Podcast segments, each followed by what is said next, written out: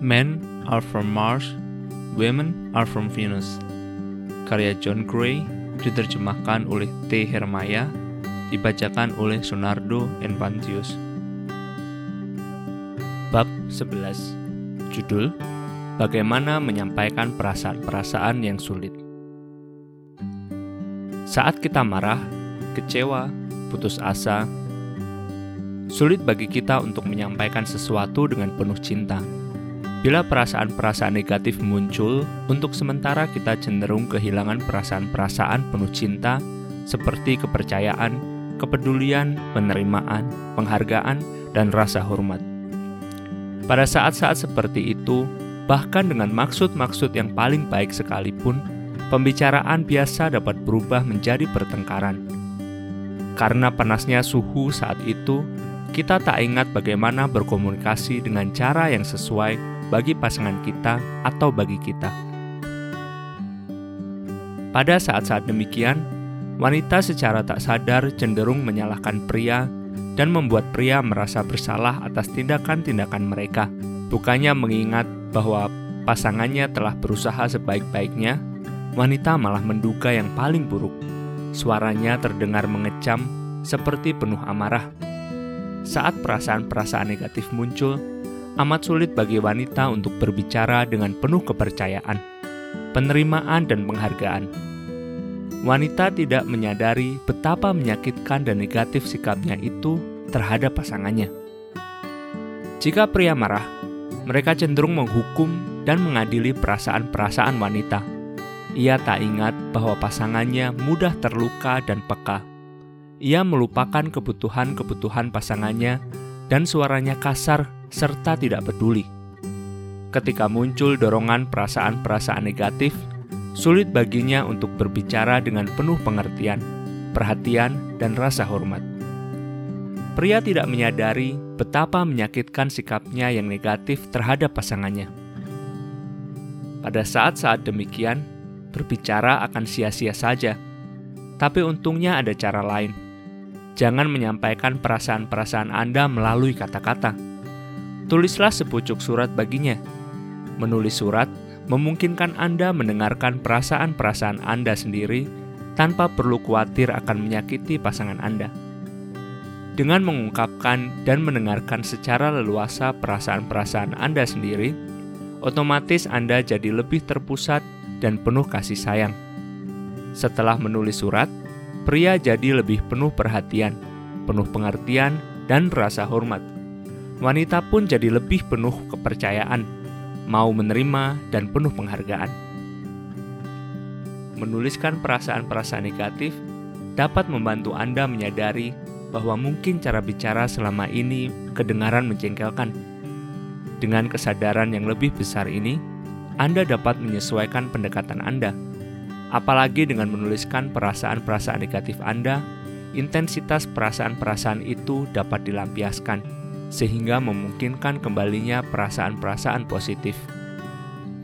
Setelah lebih terpusat, Anda dapat menghampiri pasangan Anda dan berbicara kepadanya dengan lebih penuh cinta, tidak terlalu menghakimi atau menyalahkannya. Maka, peluang Anda untuk dimengerti dan diterima menjadi jauh lebih besar. Setelah menulis surat, barangkali Anda tidak lagi merasa perlu berbicara Mungkin Anda dapat memperoleh ilham untuk melakukan sesuatu yang penuh cinta bagi pasangan Anda. Entah Anda menyampaikan perasaan-perasaan melalui surat, atau Anda sekadar menulis surat agar merasa lebih enak, mengungkapkan perasaan secara tertulis merupakan alat yang penting. Selain menuliskan perasaan-perasaan Anda, Anda dapat pula melakukan proses yang sama dalam pikiran Anda tahan keinginan berbicara, dan tinjaulah kembali apa yang terjadi di dalam pikiran Anda. Dalam hayalan Anda, bayangkan Anda sedang menyampaikan perasaan Anda, pikiran Anda, dan kehendak Anda, tanpa menyunting diri Anda dengan cara apa pun. Dengan melakukan dialog batin yang mengungkapkan seluruh kebenaran mengenai perasaan-perasaan Anda yang paling dalam, anda akan bebas dari cengkrama negatif perasaan-perasaan tersebut. Entah Anda menuliskan perasaan-perasaan tersebut atau melakukannya dalam hati dengan menjajaki, merasakan, dan mengungkapkan perasaan-perasaan negatif Anda, semua perasaan itu akan kehilangan dayanya dan perasaan-perasaan positif muncul kembali. Teknik surat cinta dapat meningkatkan daya dan efektivitas proses ini secara menakjubkan. Meski merupakan teknik menulis, teknik ini dapat pula dilakukan secara mental. Teknik menulis surat cinta salah satu cara terbaik untuk melepaskan perasaan negatif dan kemudian berkomunikasi dengan cara yang lebih penuh cinta adalah melakukan teknik surat cinta. Dengan menuliskan perasaan-perasaan Anda dengan cara tertentu, perasaan-perasaan negatif itu secara otomatis akan berkurang dan perasaan-perasaan positif akan bertambah. Teknik surat cinta dapat meningkatkan proses menulis surat tersebut. Ada tiga segi atau bagian pada teknik menulis surat cinta. Menulis surat cinta yang mengungkapkan perasaan-perasaan marah, takut, penyesalan, dan cinta Anda. 2. Menulis surat jawaban yang mengungkapkan apa yang ingin Anda dengar dari pasangan Anda. 3. Bahaslah surat cinta dan surat jawaban Anda bersama dengan pasangan Anda. Teknik surat cinta ini sangat luas. Anda dapat memilih untuk melakukan ketiga langkah itu, atau barangkali Anda hanya perlu melakukan satu atau dua di antaranya. Misalnya, anda melakukan langkah satu dan langkah dua agar dapat lebih memusatkan perhatian dan lebih penuh cinta. Kemudian, Anda melakukan pembicaraan verbal dengan pasangan Anda tanpa dipenuhi rasa marah atau keinginan menyalahkan. Pada saat-saat lain, barangkali Anda memilih untuk melakukan ketiga langkah itu sekaligus dan membahas surat cinta serta surat jawaban Anda dengan pasangan Anda. Melakukan ketiga langkah tersebut merupakan pengalaman yang menyembuhkan dan dahsyat bagi Anda berdua. Namun kadang-kadang itu terlalu makan waktu atau tidak pada tempatnya. Pada situasi tertentu, teknik yang paling ampuh adalah melakukan langkah pertama dan menulis sepucuk surat cinta. Marilah kita membahas beberapa contoh tentang bagaimana menulis surat cinta. Langkah 1. Menulis surat cinta. Untuk menulis sepucuk surat cinta, carilah tempat tenang dan tulislah sepucuk surat kepada pasangan Anda. Dalam masing-masing surat cinta, ungkapkan perasaan-perasaan marah, sedih, takut, penyesalan, dan kemudian cinta Anda. Format ini memungkinkan Anda sepenuhnya mengungkapkan dan memahami setiap perasaan Anda. Setelah memahami semua perasaan Anda, anda akan sanggup berkomunikasi dengan pasangan Anda secara lebih penuh cinta dan terpusat. Jika sedang marah, biasanya berbagai perasaan bercampur aduk. Misalnya, jika pasangan Anda mengecewakan Anda, barangkali Anda merasa marah karena ia tidak berperasaan, marah karena ia tidak menghargai Anda, sedih karena ia begitu sibuk dengan pekerjaannya, sedih karena ia tampaknya tidak mempercayai Anda Takut jangan-jangan ia takkan pernah mengampuni Anda? Kuatir ia tidak memperhatikan diri Anda seperti dulu. Menyesal, Anda secara diam-diam menahan cinta Anda untuknya. Tapi, Anda juga senang bahwa ia adalah pasangan Anda, dan Anda menginginkan cinta serta perhatiannya. Untuk menemukan perasaan-perasaan cinta kita, kerap kali kita harus terlebih dahulu merasakan semua perasaan negatif kita. Setelah mengungkapkan keempat tingkat perasaan-perasaan negatif ini, amarah, sedih, takut, dan penyesalan, kita dapat sepenuhnya merasakan dan mengungkapkan perasaan-perasaan cinta kita. Menulis surat cinta secara otomatis akan mengurangi intensitas perasaan-perasaan negatif tersebut dan memungkinkan kita mengalami secara lebih sempurna perasaan-perasaan positif kita. Berikut adalah sejumlah pedoman dasar dalam menulis surat cinta. 1. Alamatkan surat tersebut kepada pasangan Anda. Anggaplah ia sedang mendengarkan Anda dengan penuh cinta dan perhatian. 2. Mulailah dengan amarah, kemudian rasa sedih, kemudian rasa takut, kemudian rasa penyesalan, dan kemudian cinta. Cantumkanlah kelima bagian ini seluruhnya dalam setiap surat itu. 3. Tulislah beberapa kalimat mengenai masing-masing perasaan. Buatlah masing-masing bagian kurang lebih sama panjangnya. Bicaralah dengan istilah-istilah yang sederhana. 4. Setelah masing-masing bagian, berhentilah dan perhatikanlah munculnya perasaan yang berikut. Tulislah mengenai perasaan itu. 5. Jangan menghentikan surat Anda sampai Anda mencapai cinta itu. Sabarlah dan tunggulah agar cinta itu muncul. Yang keenam, bubuhkan tanda tangan Anda pada akhir surat. Renungkanlah beberapa saat mengenai apa yang Anda butuhkan atau kehendaki.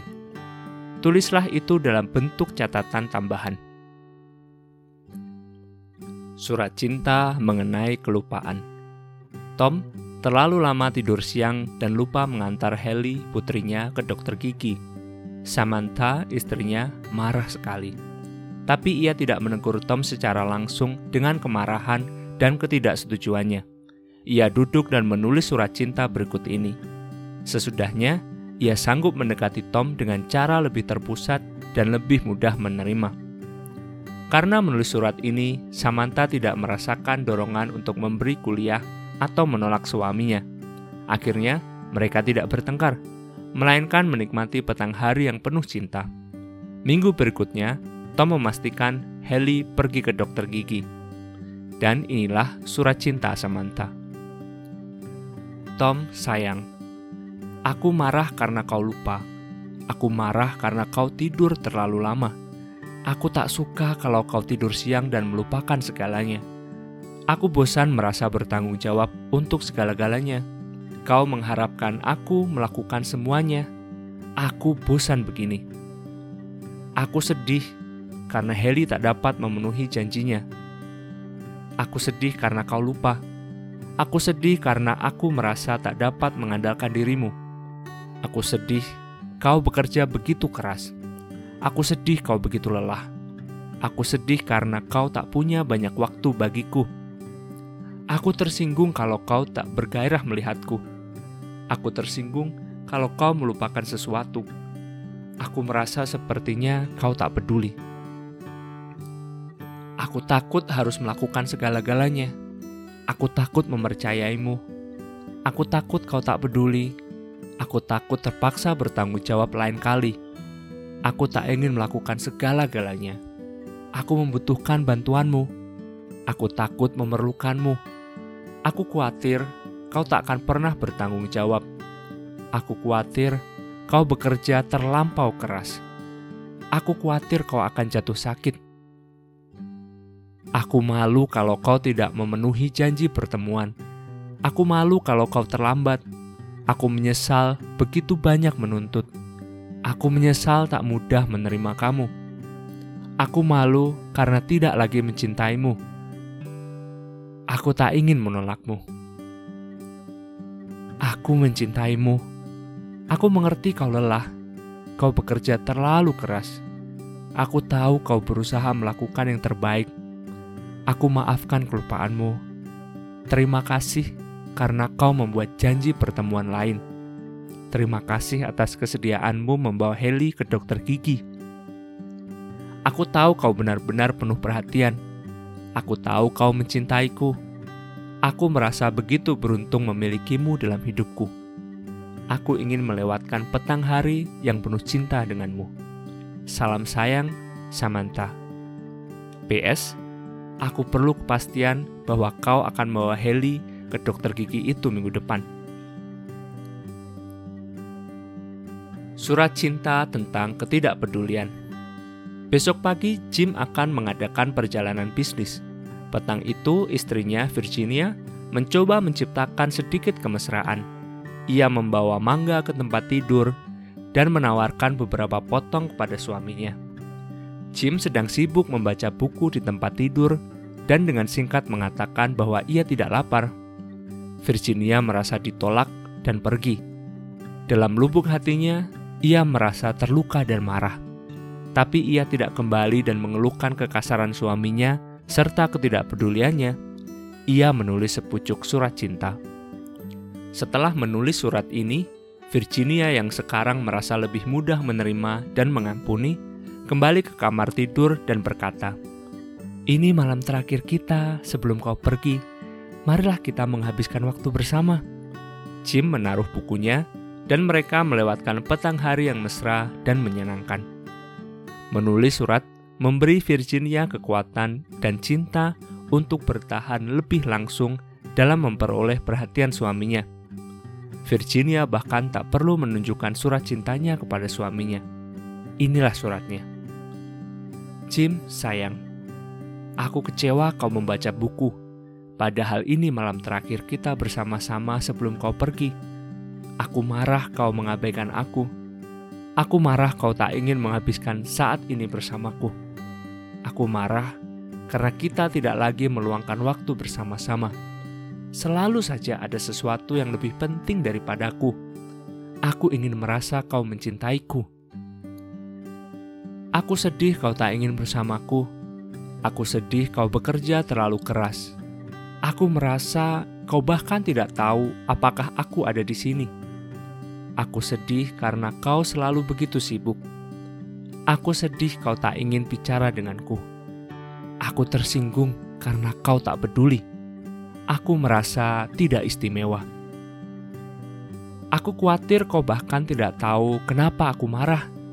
Aku khawatir kau tidak peduli. Aku takut membagi perasaanku denganmu. Aku khawatir kau akan menolakku. Aku takut kita semakin jauh terpisah. Aku takut tak dapat berbuat apa pun untuk mengatasinya.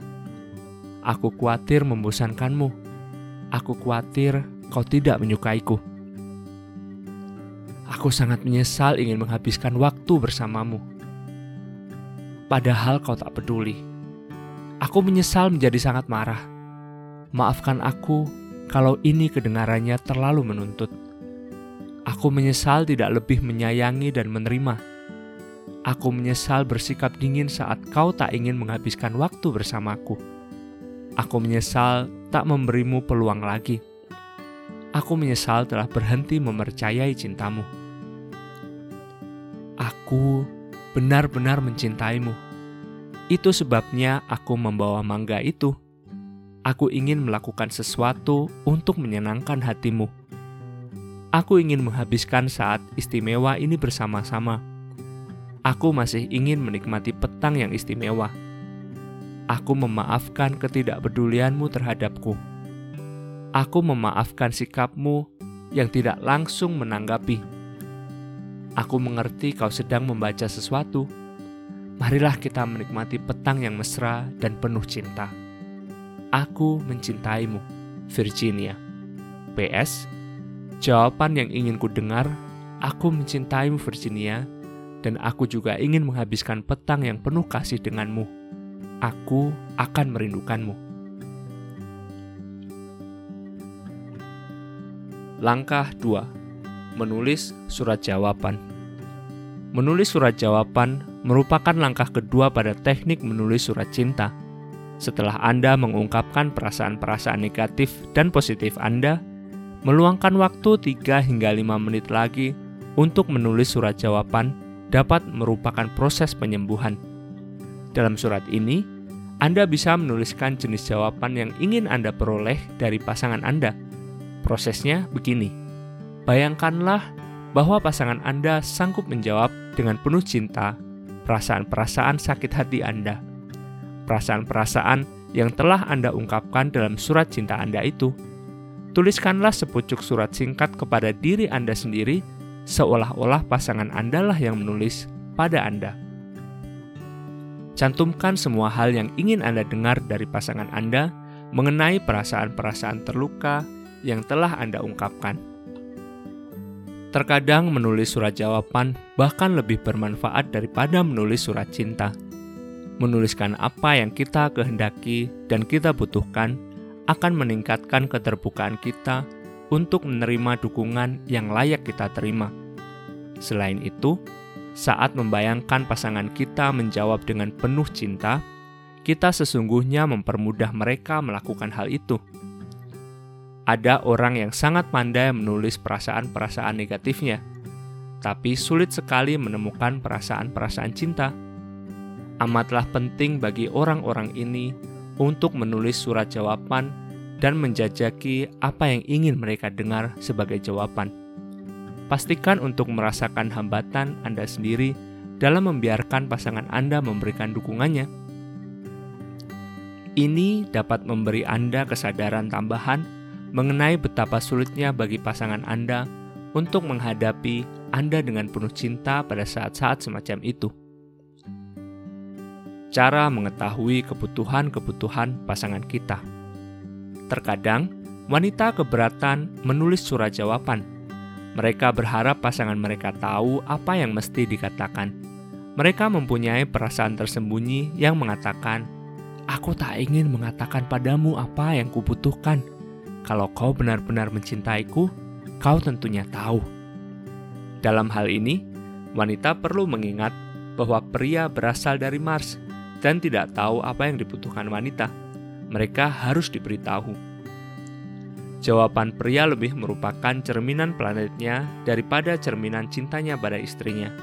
Seandainya pria seorang Venus, ia akan tahu apa yang harus dikatakan, tapi ia bukan dari Venus. Pria benar-benar tidak tahu cara menanggapi perasaan-perasaan wanita. Kebudayaan kita tidak mengajar pria mengenai apa yang dibutuhkan wanita jika pria telah menyaksikan dan mendengar ayahnya menanggapi perasaan-perasaan kecewa ibunya dengan kata-kata penuh cinta, ia akan mempunyai bayangan yang lebih baik mengenai apa yang harus dilakukannya. Tapi, sebagaimana keadaan sekarang, ia tidak tahu karena ia tidak pernah diajari. Surat-surat jawaban merupakan cara terbaik untuk mengajar pria mengenai kebutuhan-kebutuhan wanita. Dengan perlahan tapi pasti, ia akan belajar.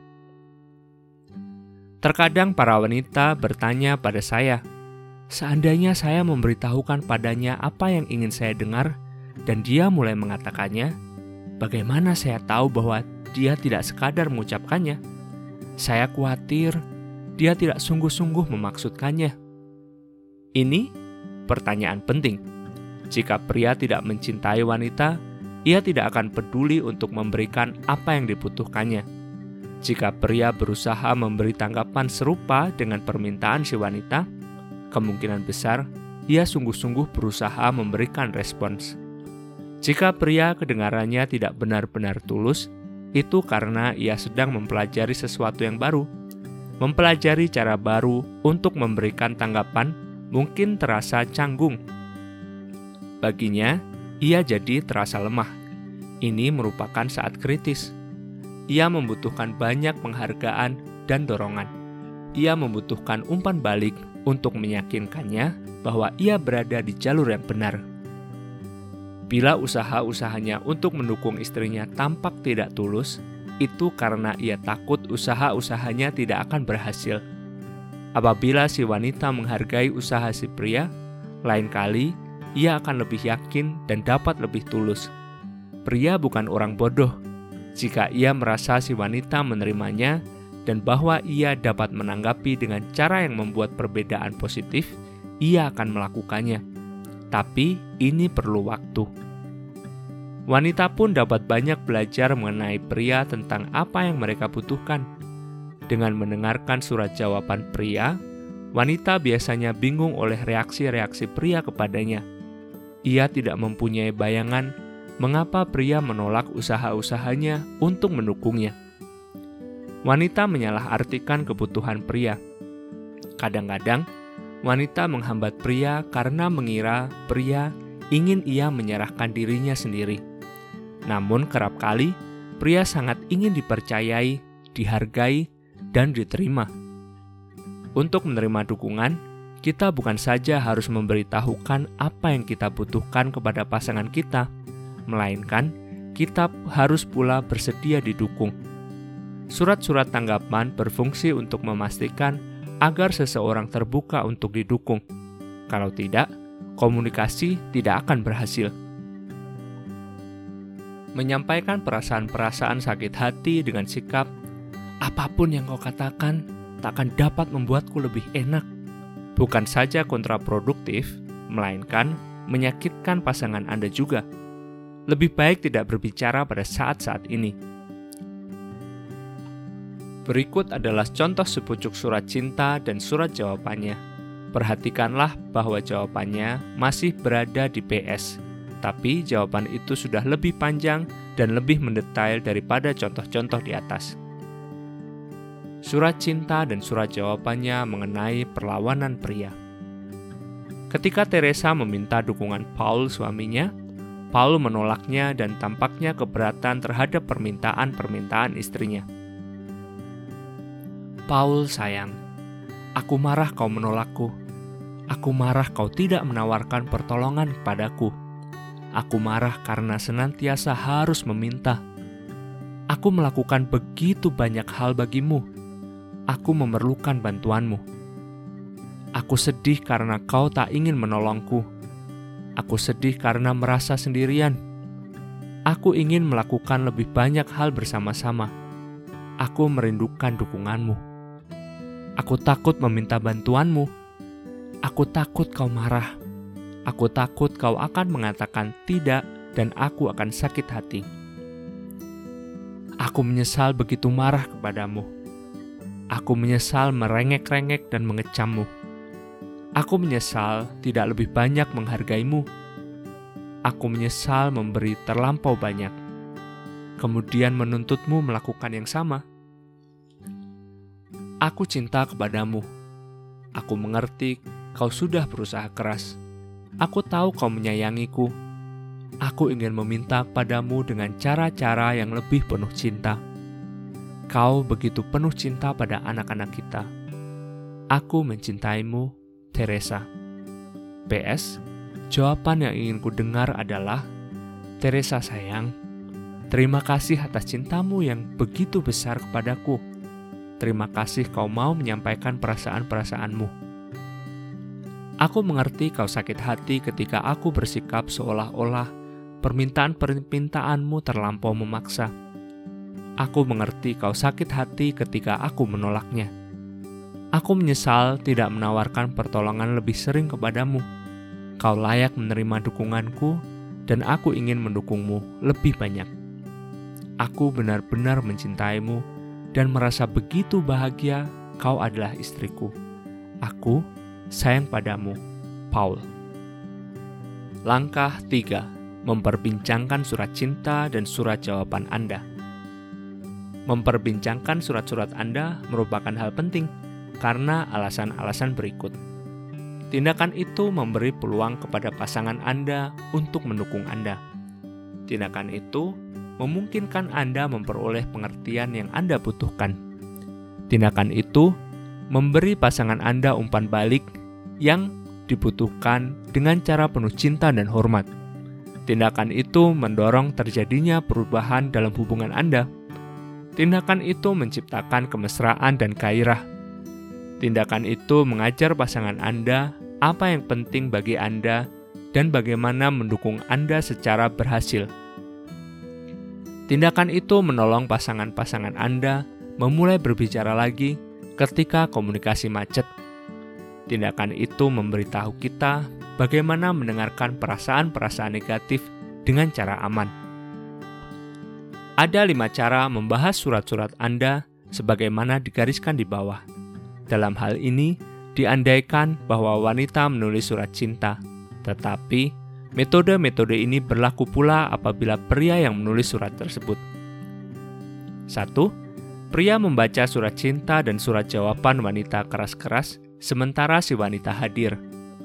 Kemudian, suami memegang tangan istrinya dan menyampaikan jawabannya sendiri yang penuh cinta dengan kesadaran lebih besar mengenai apa yang perlu didengarkan istrinya. 2. Wanita membacakan surat cinta dan surat jawabannya keras-keras, sementara pria mendengarkan. Kemudian, pria menggenggam tangan istrinya dan menyampaikan jawabannya sendiri yang penuh cinta dengan kesadaran lebih besar mengenai apa yang ingin didengar istrinya. 3. Pertama, suami membacakan keras-keras surat jawaban kepada istrinya. Kemudian, suami membacakan keras-keras surat cinta istrinya jauh lebih mudah bagi pria untuk mendengarkan perasaan-perasaan negatif setelah ia tahu bagaimana menanggapi perasaan-perasaan tersebut. Jika sudah tahu apa yang diminta darinya, pria tidak akan kalang kabut tatkala mendengar perasaan-perasaan negatif. Setelah membacakan surat cinta istrinya, ia menggandeng tangannya dan menyampaikan jawabannya sendiri dengan penuh cinta dan kesadaran yang lebih besar mengenai apa yang perlu didengar istrinya. 4. Pertama, wanita membacakan surat jawabannya kepada suaminya. Kemudian istri membacakan keras-keras surat cintanya. Akhirnya, pria menggandeng tangan istrinya dan menyampaikan jawaban yang penuh cinta dengan kesadaran lebih besar mengenai apa yang perlu didengarkan oleh istrinya. 5. Istri memberikan surat-suratnya kepada suaminya dan suami membaca surat-surat itu sendirian dalam waktu 24 jam. Setelah membaca surat-surat itu, ia menyampaikan terima kasih kepada istrinya karena telah menulis surat tersebut dan menggandeng tangannya serta menyampaikan jawaban yang penuh cinta dengan kesadaran lebih besar mengenai apa yang diperlukan istrinya. Apa yang harus dilakukan bila pasangan Anda tidak dapat menjawab dengan penuh cinta? Berdasarkan pengalaman-pengalaman masa lampau mereka, ada pria dan wanita yang sulit sekali mendengarkan surat-surat cinta. Dalam hal ini, mereka mungkin tidak mau membacanya tapi walaupun pasangan Anda bersedia mendengar sepucuk surat, terkadang mereka tak sanggup memberikan jawaban langsung dengan cara penuh cinta. Marilah kita ambil contoh Paul dan Teresa. Seandainya Paul tidak merasa lebih penuh cinta setelah mendengar surat-surat pasangannya, itu karena ia tak dapat menanggapi dengan cinta pada saat itu. Tapi setelah beberapa waktu, perasaan-perasaannya akan berubah Ketika membaca surat-surat itu, Paul mungkin merasa diserang oleh rasa marah dan sakit hati, dan ia menjadi defensif. Pada saat-saat semacam itu, ia membutuhkan tenggang waktu untuk merenungkan apa yang dikatakan. Terkadang, saat mendengarkan sepucuk surat cinta, orang hanya mendengarkan nada amarahnya dan perlu beberapa waktu untuk mendengar cintanya. Ada baiknya setelah sejurus Pria membaca ulang surat itu, terutama bagian-bagian tentang penyesalan dan cinta. Terkadang sebelum membaca surat cinta dari istri saya, saya membaca bagian cintanya terlebih dahulu, kemudian baru membaca seluruh surat itu. Bila pria marah setelah membaca sepucuk surat cinta, ia dapat pula menanggapi dengan menulis surat cintanya sendiri itu memungkinkan ia memproses perasaan-perasaan negatif yang muncul saat ia membaca surat-surat cinta istrinya. Terkadang saya tidak tahu apa yang merisaukan hati saya, sampai istri saya menyampaikan sepucuk surat cinta pada saya. Kemudian, tiba-tiba saya tahu apa yang ingin saya tuliskan. Dengan menulis surat sendiri, saya sanggup menemukan kembali perasaan-perasaan cinta dan membaca ulang surat istri saya, serta mendengarkan cinta di balik rasa sakit hatinya itu. Bila pria tidak dapat langsung menjawab dengan cinta, ia perlu mengetahui bahwa itu bukan masalah. Jangan menghukumnya. Istrinya perlu memahami dan menerima kebutuhan suaminya untuk berpikir sebentar. Barangkali untuk mendukung istrinya, suami dapat mengatakan sesuatu seperti, Terima kasih telah menulis surat cinta ini. Aku perlu waktu sebentar untuk memikirkannya. Kemudian kita dapat membicarakannya. Suami tidak boleh menunjukkan perasaan-perasaan mengecam terhadap surat itu. Menyampaikan surat membutuhkan rasa aman. Semua saran di atas mengenai berbagai surat cinta berlaku juga saat wanita menghadapi kesulitan menanggapi surat pria dengan penuh cinta. Biasanya, saya menyarankan agar pasangan-pasangan membaca keras-keras surat-surat yang telah mereka tulis. Ada manfaatnya membaca keras-keras surat pasangan Anda, sebab ia jadi merasa didengarkan. Cobalah keduanya dan perhatikanlah mana yang cocok bagi Anda. Merasa aman menulis surat cinta. Berbagai surat cinta dapat menakutkan, Orang yang menuliskan perasaan-perasaannya yang sesungguhnya akan merasa mudah terluka. Bila pasangan mereka menolak, Penolakan itu dapat sangat menyakitkan. Maksud membicarakan surat tersebut bersama-sama adalah untuk membuka berbagai perasaan agar pasangan-pasangan dapat lebih dekat. Ini dapat berhasil baik asalkan proses tersebut dilakukan dalam keadaan aman. Orang yang menerima surat cinta harus sangat menghormati ungkapan perasaan penulisnya. Bila mereka tidak sanggup memberikan dukungan sejati yang penuh hormat, sebaiknya mereka sepakat untuk tidak mendengar sampai mereka sanggup melakukannya. Berbagai surat cinta harus dilakukan dengan niat yang tepat. Penyampaian surat harus dilakukan dengan semangat dua pernyataan maksud berikut ini pernyataan maksud, menulis, dan menyampaikan surat cinta. Aku menulis surat ini untuk menemukan perasaan-perasaan positifku dan untuk memberimu cinta yang layak kau terima. Sebagai bagian proses tersebut, aku menyampaikan kepadamu perasaan-perasaan negatif yang menghalangiku. Pengertianmu akan menolongku membuka hati dan melepaskan perasaan-perasaan negatif itu. Aku percaya kau sungguh-sungguh memperhatikan dan akan menanggapi perasaan-perasaanku dengan cara paling baik yang dapat kau lakukan. Aku menghargai kesediaanmu untuk menghargai dan mendukung aku. Selain itu, aku berharap surat ini akan menolongmu memahami keinginan, kebutuhan, dan harapan-harapanku. Pasangan yang mendengarkan surat itu harus mendengarkan dengan semangat sesuai dengan pernyataan maksud berikut. Pernyataan maksud mendengarkan surat cinta. Aku berjanji akan berusaha keras memahami keabsahan perasaan-perasaanmu untuk menerima perbedaan-perbedaan kita, untuk menghormati kebutuhan-kebutuhanmu sebagaimana aku menghormati kebutuhan-kebutuhanku sendiri, dan untuk menghargai bahwa kau berusaha keras menyampaikan perasaan-perasaan dan cintamu. Aku berjanji akan mendengarkan dan tidak membetulkan atau menyangkal perasaan-perasaanmu. Aku berjanji akan menerimamu dan tidak berusaha mengubahmu. Aku bersedia mendengarkan perasaan-perasaanmu karena aku memang peduli dan percaya bahwa kita dapat membereskan hal ini. Pada beberapa kali pertama berlatih teknik surat cinta ini, akan jauh lebih mudah jika Anda membacakan keras-keras pernyataan-pernyataan ini. Pernyataan-pernyataan maksud ini akan menolong Anda mengingat untuk menghormati perasaan-perasaan pasangan Anda dan menanggapi dengan cara penuh cinta dan aman. Kapan menulis surat cinta? Saat untuk menulis surat cinta adalah kapan saja Anda marah dan ingin merasa lebih enak. Berikut adalah beberapa klasifikasi surat cinta. 1. Surat cinta kepada pasangan intim.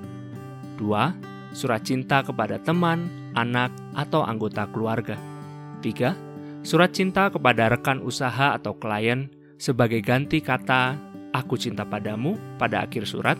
Anda dapat memilih menggunakan "aku menghargaimu" dan "salam tak lazim". Dalam kebanyakan kasus, saya tidak menyarankan untuk membahas surat jenis ini. 4. Surat cinta kepada Anda sendiri. 5.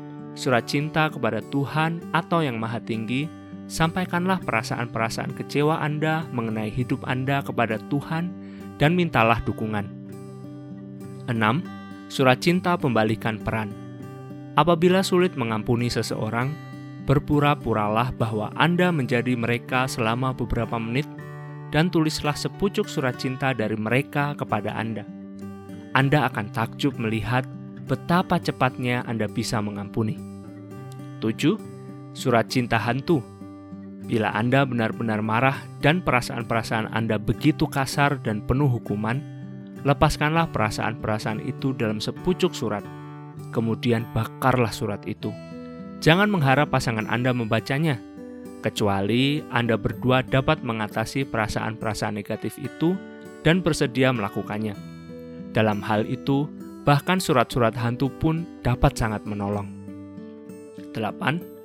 Surat cinta pengalihan. Jika peristiwa-peristiwa masa kini membuat Anda marah dan mengingatkan Anda pada perasaan-perasaan yang belum terpecahkan dari masa kanak-kanak, bayangkanlah Anda kembali ke masa lalu untuk menulis surat kepada salah satu orang tua Anda untuk menyampaikan perasaan-perasaan Anda dan meminta dukungan mereka. Mengapa kita perlu menulis surat cinta? Sebagaimana telah kita bahas sepanjang buku ini, penting sekali bagi wanita untuk menyampaikan perasaan-perasaannya dan merasa diperhatikan, dimengerti, dan dihormati. Sama pentingnya bagi kaum pria untuk merasa dihargai, diterima, dan dipercaya. Kesulitan terbesar dalam hubungan terjadi saat wanita menyampaikan perasaan-perasaan kecewanya dan sebagai akibatnya, pria merasa tidak dicintai. Bagi pria, perasaan-perasaan negatif itu barangkali terdengar sebagai kecaman, menyalahkan, terlalu menuntut, dan marah. Jika pria menolak perasaan-perasaan wanita itu, si wanita kemudian merasa tidak disayang. Keberhasilan suatu hubungan tergantung pada dua faktor: kemampuan pria untuk mendengarkan dengan penuh cinta dan rasa hormat terhadap perasaan-perasaan wanita, dan kemampuan wanita untuk menyampaikan perasaan-perasaannya dengan cara penuh cinta dan rasa hormat. Suatu hubungan menuntut agar pasangan yang bersangkutan mengomunikasikan perasaan-perasaan dan kebutuhan-kebutuhan mereka yang berubah-ubah. Menantikan komunikasi yang sempurna tentulah terlampau idealistis. Untungnya, antara yang di sini dan kesempurnaan terdapat banyak ruang untuk pertumbuhan.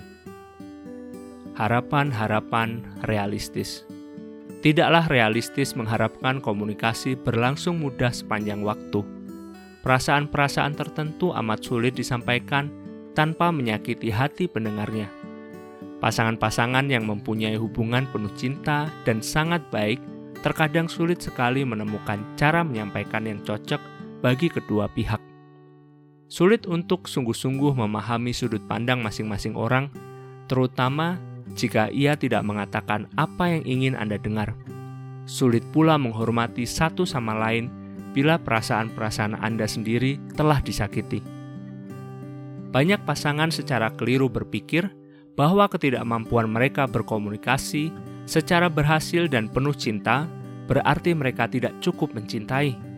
Tentu saja cinta banyak berpengaruh terhadap hal itu, tetapi keterampilan berkomunikasi merupakan unsur yang jauh lebih penting. Untungnya, keterampilan itu dapat dipelajari. Bagaimana kita belajar berkomunikasi? Komunikasi yang berhasil akan terjadi secara alamiah bila kita tumbuh dewasa dalam keluarga yang dapat berkomunikasi secara jujur dan penuh cinta. Tapi dalam generasi-generasi terdahulu, yang disebut komunikasi penuh cinta lazimnya berarti menghindari perasaan-perasaan negatif. Seringkali perasaan-perasaan negatif itu dianggap penyakit yang memalukan dan harus disimpan rapat-rapat di lemari. Dalam keluarga-keluarga dalam tanda kutip yang kurang beradab, yang dianggap komunikasi penuh cinta barangkali mencakup pelampiasan atau rasionalisasi perasaan-perasaan negatif melalui hukuman badan, berteriak, memukul pantat, melecut dengan cemeti, dan segala macam kata umpatan. Semuanya demi menolong anak-anak membedakan yang benar dari yang salah.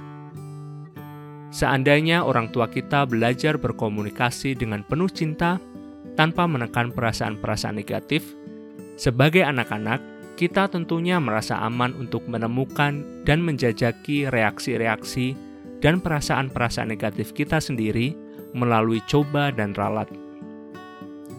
Berkat model-model peran yang positif, kita tentunya dapat belajar secara berhasil bagaimana berkomunikasi, terutama mengomunikasikan perasaan-perasaan kita yang sulit.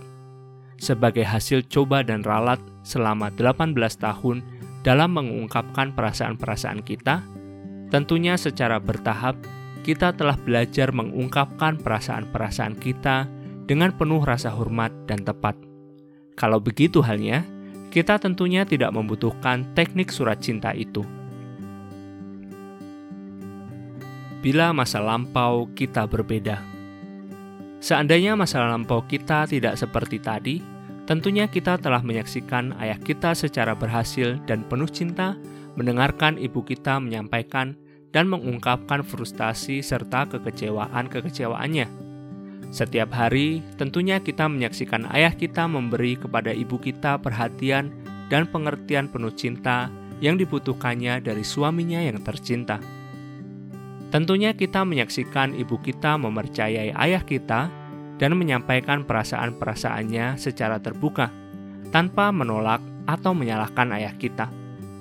Tentunya, kita mengalami bagaimana orang dapat merasa kecewa tanpa perlu menolak orang lain dengan kecurigaan, penguasaan emosional, penolakan, ketidaksetujuan, penghinaan, atau sikap dingin. Sepanjang 18 tahun masa pertumbuhan kita, kita tentunya secara bertahap sanggup menguasai perasaan-perasaan kita sendiri.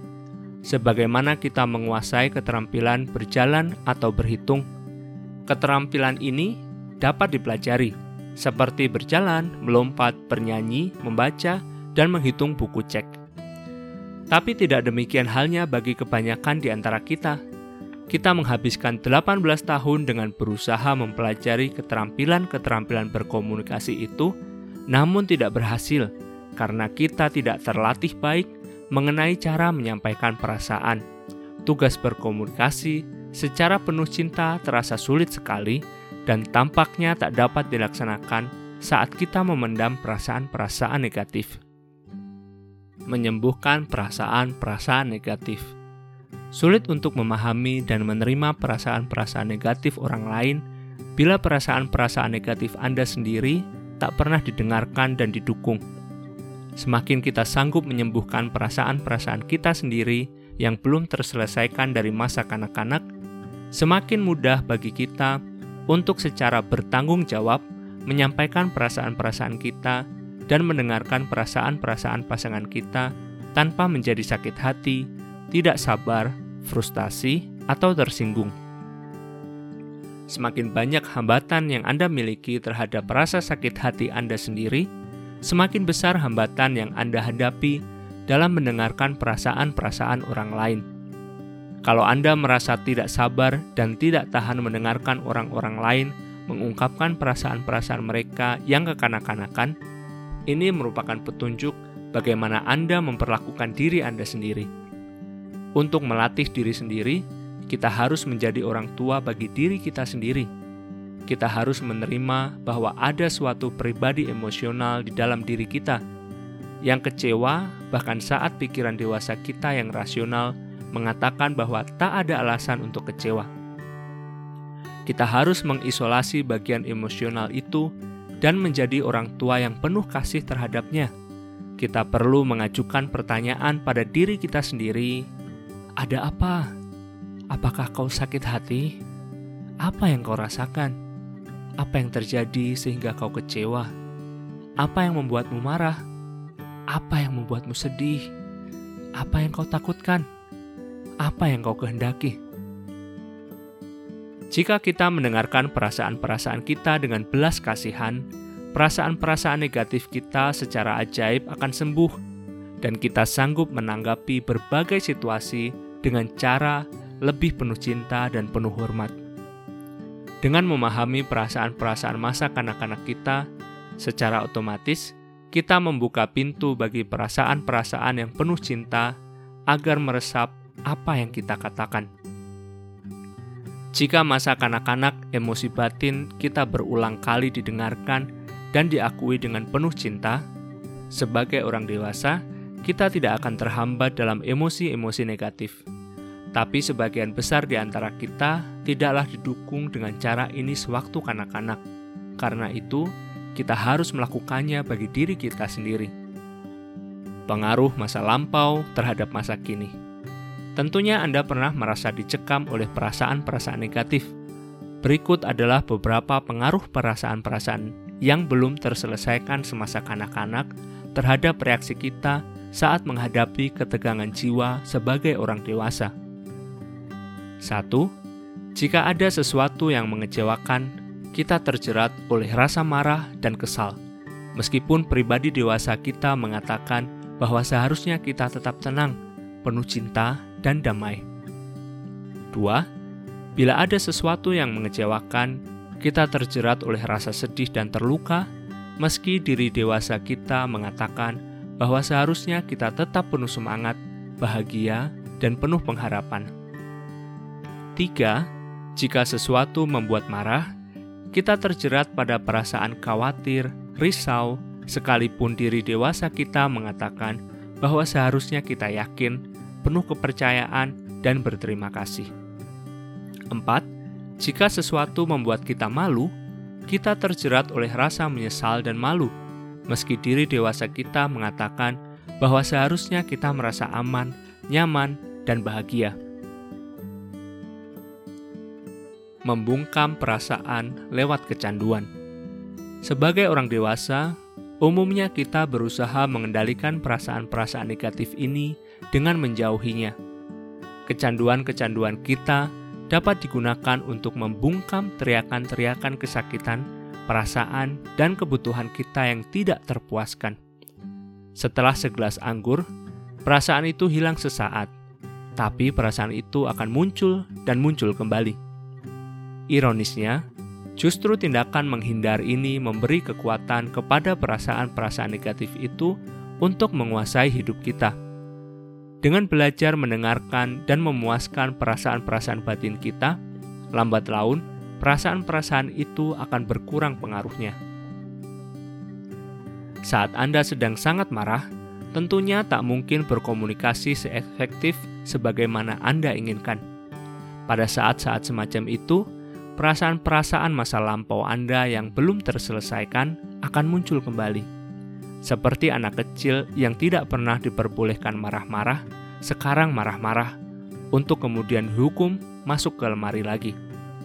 Emosi kanak-kanak yang belum terselesaikan dapat menguasai kita dengan mencekam kesadaran dewasa kita dan mencegah terciptanya komunikasi yang penuh cinta, sampai kita sanggup mendengarkan dengan penuh kasih sayang perasaan-perasaan yang tampaknya tidak masuk akal dari masa lampau itu yang menyusup ke dalam kehidupan kita saat kita paling membutuhkan nalar kita, perasaan-perasaan itu akan terus mengganggu terciptanya komunikasi yang penuh cinta.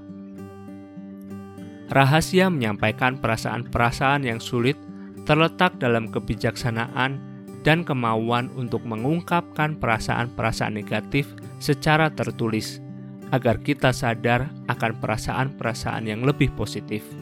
Semakin kita terampil berkomunikasi dengan pasangan kita dengan cinta kasih yang layak mereka terima, semakin baiklah hubungan kita. Bila kita sanggup menyampaikan perasaan-perasaan kecewa kita dengan penuh cinta, akan jauh lebih mudah bagi pasangan Anda untuk mendukung Anda pada gilirannya. Rahasia-rahasia menolong diri sendiri. Menulis surat cinta merupakan alat penolong diri yang ampuh, tapi bila Anda tidak langsung menjalani kebiasaan menulis surat-surat itu, Anda akan lupa untuk menggunakannya. Saya menyarankan agar sekurang-kurangnya satu kali dalam seminggu, bila ada sesuatu yang merisaukan Anda, duduklah dan tulislah sepucuk surat cinta. Surat-surat itu bukan hanya bermanfaat saat sedang marah pada pasangan Anda, tapi juga bila Anda sedang kecewa Menulis surat cinta dapat menolong saat Anda merasa marah, tidak bahagia, cemas, murung, terganggu, bosan, terjerat, atau tegang. Kapan saja Anda ingin merasa lebih enak, tulislah sepucuk surat cinta. Barangkali ini tidak langsung bisa memperbaiki suasana hati Anda, tapi setidaknya akan menolong Anda bergerak ke arah yang Anda kehendaki. Dalam buku pertama saya, What you feel, you can heal. Pentingnya menjajaki perasaan dan menulis surat cinta telah dibahas secara lebih lengkap.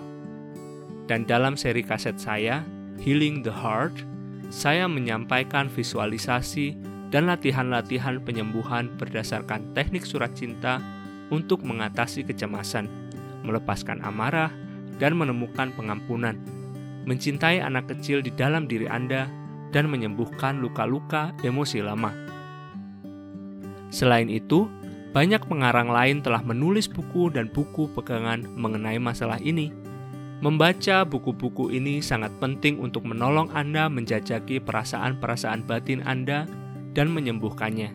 Tapi ingatlah, Anda harus membiarkan bagian emosional diri Anda berbicara keras-keras dan didengarkan. Jika tidak, ia tidak akan dapat disembuhkan. Buku-buku dapat mengilhami Anda untuk semakin mencintai diri sendiri, tapi hanya dengan mendengarkan, menuliskan, atau secara verbal mengungkapkan perasaan-perasaan Anda lah Anda dapat mewujudkan hal itu. Sewaktu Anda mempraktikkan teknik surat cinta, Anda mulai mengetahui bagian diri Anda yang paling membutuhkan cinta. Dengan mendengarkan perasaan-perasaan Anda dan menjajakinya, Anda menolong bagian diri Anda ini untuk tumbuh dan berkembang. Sewaktu diri emosional Anda mendapatkan cinta dan pengertian yang didambakannya, secara otomatis Anda bisa mulai berkomunikasi dengan lebih baik anda jadi mampu menanggapi berbagai situasi dengan lebih penuh cinta. Meskipun kita semua telah diprogram untuk menyembunyikan perasaan-perasaan kita dan bertindak secara defensif, bukannya dengan penuh cinta, kita dapat melatih diri kita sendiri. Ada harapan besar bagi kita. Untuk melatih ulang diri Anda sendiri, Anda perlu mendengarkan dan memahami perasaan-perasaan yang tidak terselesaikan dan yang tak pernah berpeluang untuk disembuhkan. Bagian diri Anda ini perlu dirasakan, didengarkan, dan dipahami, kemudian disembuhkan. Mempraktikkan teknik menulis surat cinta merupakan cara aman untuk mengungkapkan perasaan-perasaan yang tidak terselesaikan, perasaan-perasaan negatif, dan berbagai keinginan tanpa merasa takut dihakimi atau ditolak. Dengan mendengarkan perasaan-perasaan kita, Berarti kita secara bijaksana memperlakukan sisi emosi kita seperti anak kecil yang menangis di pelukan orang tuanya yang penuh kasih sayang. Dengan menjajaki kebenaran lengkap perasaan-perasaan tersebut, kita memberi izin seluas-luasnya pada diri sendiri untuk mengalami perasaan-perasaan ini. Dengan memperlakukan bagian anak kecil tersebut dengan penuh hormat dan cinta, luka-luka emosional masa lampau yang tidak tersembuhkan dapat disembuhkan secara perlahan-lahan. Banyak orang terlampau cepat dewasa karena menolak dan menekan perasaan-perasaan mereka. Kepedihan emosional yang tidak terselesaikan itu menunggu di dalam hati untuk disayangi dan disembuhkan. Meski orang-orang yang bersangkutan mencoba menekan perasaan-perasaan ini, kepedihan, dan ketidakbahagiaan terus-menerus memengaruhi mereka. Sebagian besar penyakit fisik sekarang secara luas diterima dianggap berkaitan langsung dengan rasa sakit emosional yang tidak terselesaikan. Kepedihan emosional yang ditekan umumnya menjadi penyakit fisik atau rasa sakit dan dapat menyebabkan kematian dini. Tambahan lagi, kebanyakan dorongan, obsesi, dan kecanduan kita yang merusak merupakan ungkapan-ungkapan luka-luka emosi batin kita. Obsesi umum pria untuk meraih sukses merupakan usaha sia-sianya untuk mendapatkan cinta, dengan harapan dapat mengurangi kekalutan dan rasa sakit emosional dalam diri mereka. Obsesi wanita untuk tampil sempurna merupakan usaha sia-sianya untuk layak mendapat cinta dan mengurangi kepedihan emosionalnya. Apa pun yang dilakukan secara berlebihan dapat dijadikan cara mematikan kepedihan masa lampau kita yang tidak terselesaikan. Masyarakat kita menawarkan berbagai cara untuk menolong kita menjauhi kepedihan. Namun, teknik surat cinta dapat menolong Anda melihat kepedihan Anda, merasakannya, kemudian menyembuhkannya setiap kali menulis sepucuk surat cinta, Anda memberi cinta, pengertian, dan perhatian yang dibutuhkan oleh diri batin Anda yang emosional dan terluka agar merasa lebih baik. Keampuhan menyendiri. Terkadang, dengan menuliskan perasaan-perasaan secara pribadi, Anda akan menemukan perasaan-perasaan yang lebih dalam yang tidak dapat Anda rasakan dengan kehadiran orang lain. Dengan menyendiri, lebih aman untuk merasakan secara lebih mendalam. Meski Anda sedang menjalin hubungan dan merasa dapat bicara mengenai apa saja, saya tetap menyarankan untuk sesekali menuliskan perasaan-perasaan Anda secara pribadi. Menulis surat cinta dalam kesendirian juga merupakan hal yang sehat sebab Anda jadi memiliki waktu untuk memberi kepada diri sendiri tanpa bergantung pada siapa pun. Saya sarankan Anda membuat buku harian surat-surat cinta Anda atau menyimpannya bersama-sama dalam sebuah berkas. Untuk mempermudah membuat surat cinta, Anda dapat melihat contoh format surat cinta dalam bab sebelumnya. Format surat cinta ini dapat menolong Anda mengingat tahap-tahap yang berlainan pada sepucuk surat cinta dan memberikan pilihan ungkapan pembuka saat Anda macet. Jika Anda mempunyai komputer pribadi, ketiklah format surat cinta itu dan gunakanlah berulang kali. Anda tinggal membuka berkas tersebut jika Anda ingin menulis sepucuk surat cinta. Setelah selesai, simpanlah menurut tanggalnya. Cetaklah jika Anda ingin membaginya dengan seseorang. Selain menulis surat, saya sarankan Anda menyimpan berkas pribadi untuk surat-surat Anda. Sesekali, bacalah surat ini kembali jika Anda tidak sedang marah. Sebab pada saat-saat ini, Anda dapat meninjau kembali perasaan-perasaan Anda dengan objektivitas yang lebih besar. Objektivitas ini akan menolong Anda mengungkapkan perasaan-perasaan marah Anda di lain waktu secara lebih terhormat juga jika Anda menulis sepucuk surat cinta dan Anda masih marah, dengan membaca ulang surat Anda itu, barangkali Anda akan merasa lebih baik. Untuk menolong orang menulis surat cinta dan menjajaki serta mengungkapkan perasaan-perasaannya secara pribadi, saya menyusun program komputer yang disebut Private Session. Secara pribadi, komputer menggunakan gambar-gambar grafik, pertanyaan-pertanyaan, dan berbagai macam format surat cinta untuk menolong Anda berhubungan dengan perasaan Anda. Program itu bahkan menawarkan berbagai pilihan ungkapan untuk menolong Anda mengeluarkan dan mengungkapkan emosi-emosi tertentu. Dan secara pribadi, program itu menyimpan surat-surat Anda serta mengeluarkannya sesekali jika membaca ulang dapat lebih menolong Anda untuk mengungkapkan perasaan-perasaan Anda. Menggunakan komputer untuk menolong Anda mengungkapkan perasaan dapat membantu mengatasi hambatan umum yang dihadapi orang dalam menulis surat cinta. Kaum pria yang umumnya lebih kebal terhadap proses ini jadi lebih terdorong untuk melakukannya bila mereka dapat duduk sendirian di depan komputer mereka. Daya kemesraan menulis surat cinta secara pribadi dapat sangat membantu proses penyembuhan, tapi tak dapat menggantikan kebutuhan kita untuk didengarkan dan dimengerti oleh orang lain.